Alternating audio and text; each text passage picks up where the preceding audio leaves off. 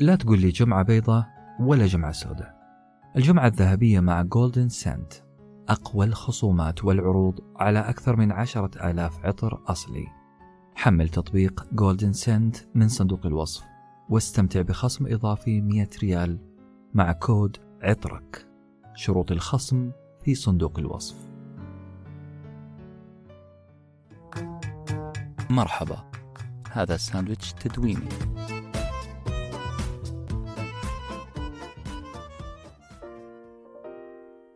مشكلة لما يكون عندك صديق مخلص عنيد ويحب البر.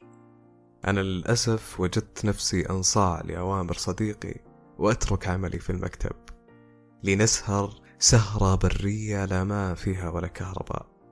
فقط فضاء حالك السواد تطرزه إكسسوارات من النجوم اللامعة.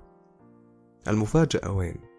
أنها كانت سهرة رائعة استمتعت فيها بطبق المنسف الأردني الذي يحضره صديقي ثم وجبة تأمل صامتة في النجوم لمدة ساعة.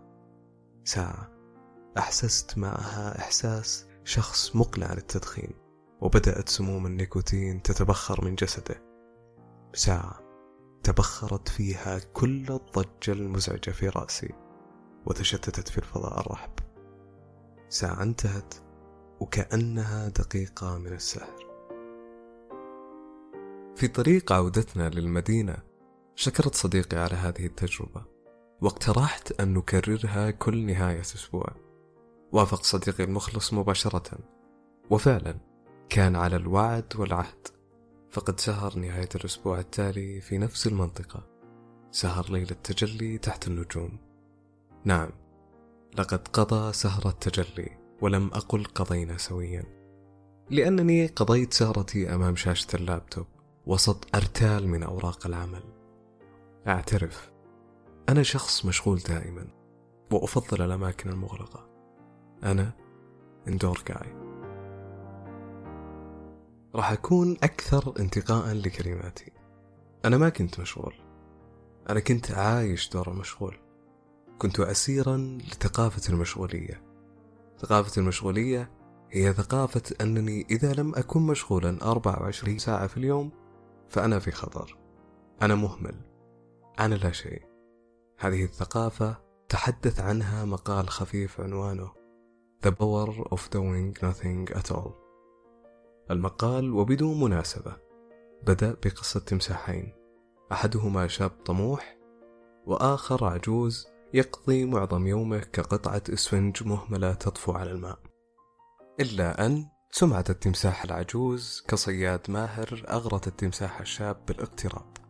اقترب الشاب من العجوز وسأله سنيوري سمعت الكثير عن مهارتك العجيبة في الصيد وأتمنى أن أعرف ماذا فعلت لتكتسب هذه المهارة. فتح التمساح العجوز عين واحدة بتثاقل ورد بصوت لا يكاد يسمع. أنا لم أفعل شيئا. إجابة باردة أغاضت التمساح الصغير. الذي غادر بخيبة لكنه عاد في اليوم الثاني.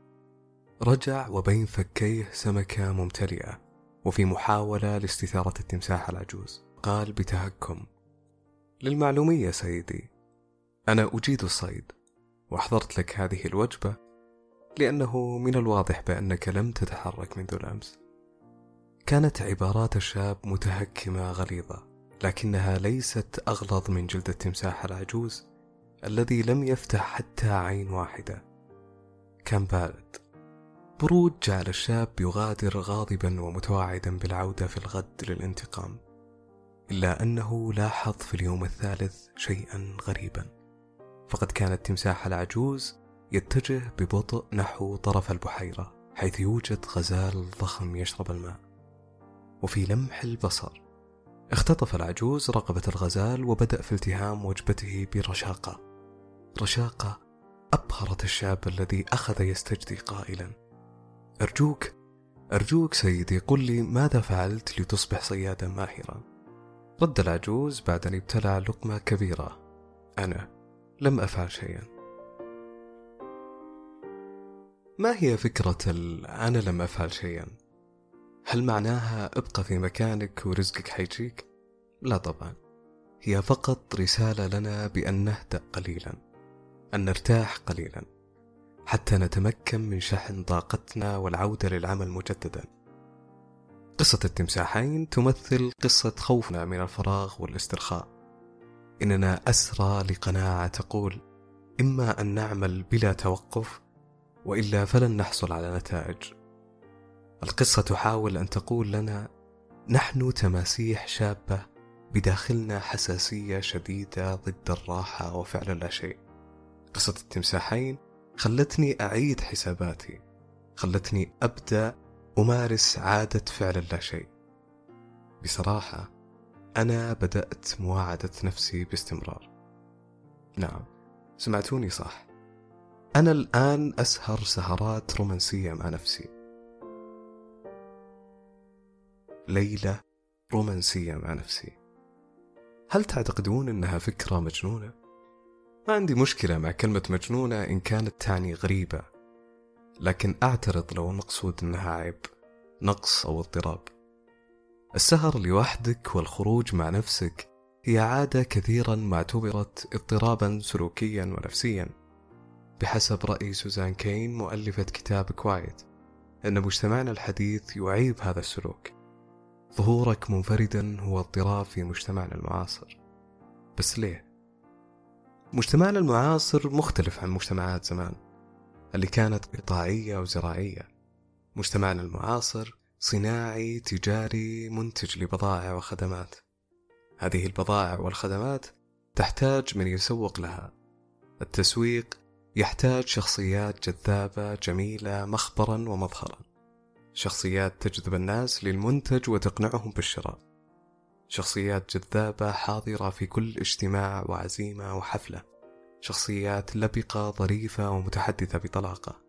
وبذلك أصبحت هذه الشخصية نموذجا ناجحا يجب أن يحتذى به.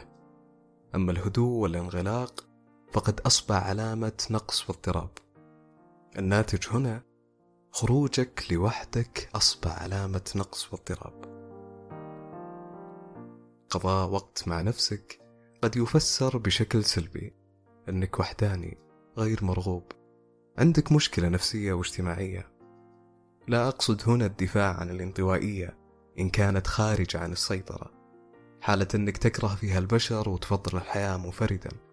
الوصول لحالة ما أبغى أشوف أحد وطز في الناس. فعلا تدعو للقلق. الدفاع هنا عن حالة أخرى حالة التأمل الذاتي. التأمل في الكون حالة مراجعة روحانية الشكل والمحتوى. الواحد فينا يحتاج أن يخرج في موعد مع نفسه بين كل فترة وفترة. نحتاج أن نجدد علاقتنا بأنفسنا. أفهم نفسي أكثر. لو سألتوني ماذا استفدت من تجربة مواعدة الذات راح أقول استفدت أن أقترب أكثر من شخصية التمساح العجوز. أن أواعد نفسي مواعيد غرامية. خلالها وجدت حلول استثنائية وأجوبة لا تقليدية لمشاكلي وأسئلتي. وأعتقد هذا هو الحال مع بعض المدراء التنفيذيين زي بيل جيتس مثلا واللي كان يملأ جدوله بجرعات تأمل سماها Think Weeks أسابيع محددة كان يعيش فيها مع نفسه تأمل ومراجعة. نحتاج فترة راحة نقطع فيها بعض العادات والروتين الممل. نتوقف شوية عن الرد على الإيميلات عن تحديث timeline تويتر باستمرار عن استعراض السنابات ومشاهدة نفس مقاطع الأكل والسفر والتنمر والبذخ. المسألة لا رهبنة ولا انعزال ولا انطوائية. المسألة فقط قطع التيار عن الروتين الممل وتجديد العهد مع حبيبتك الأغلى مع نفسك.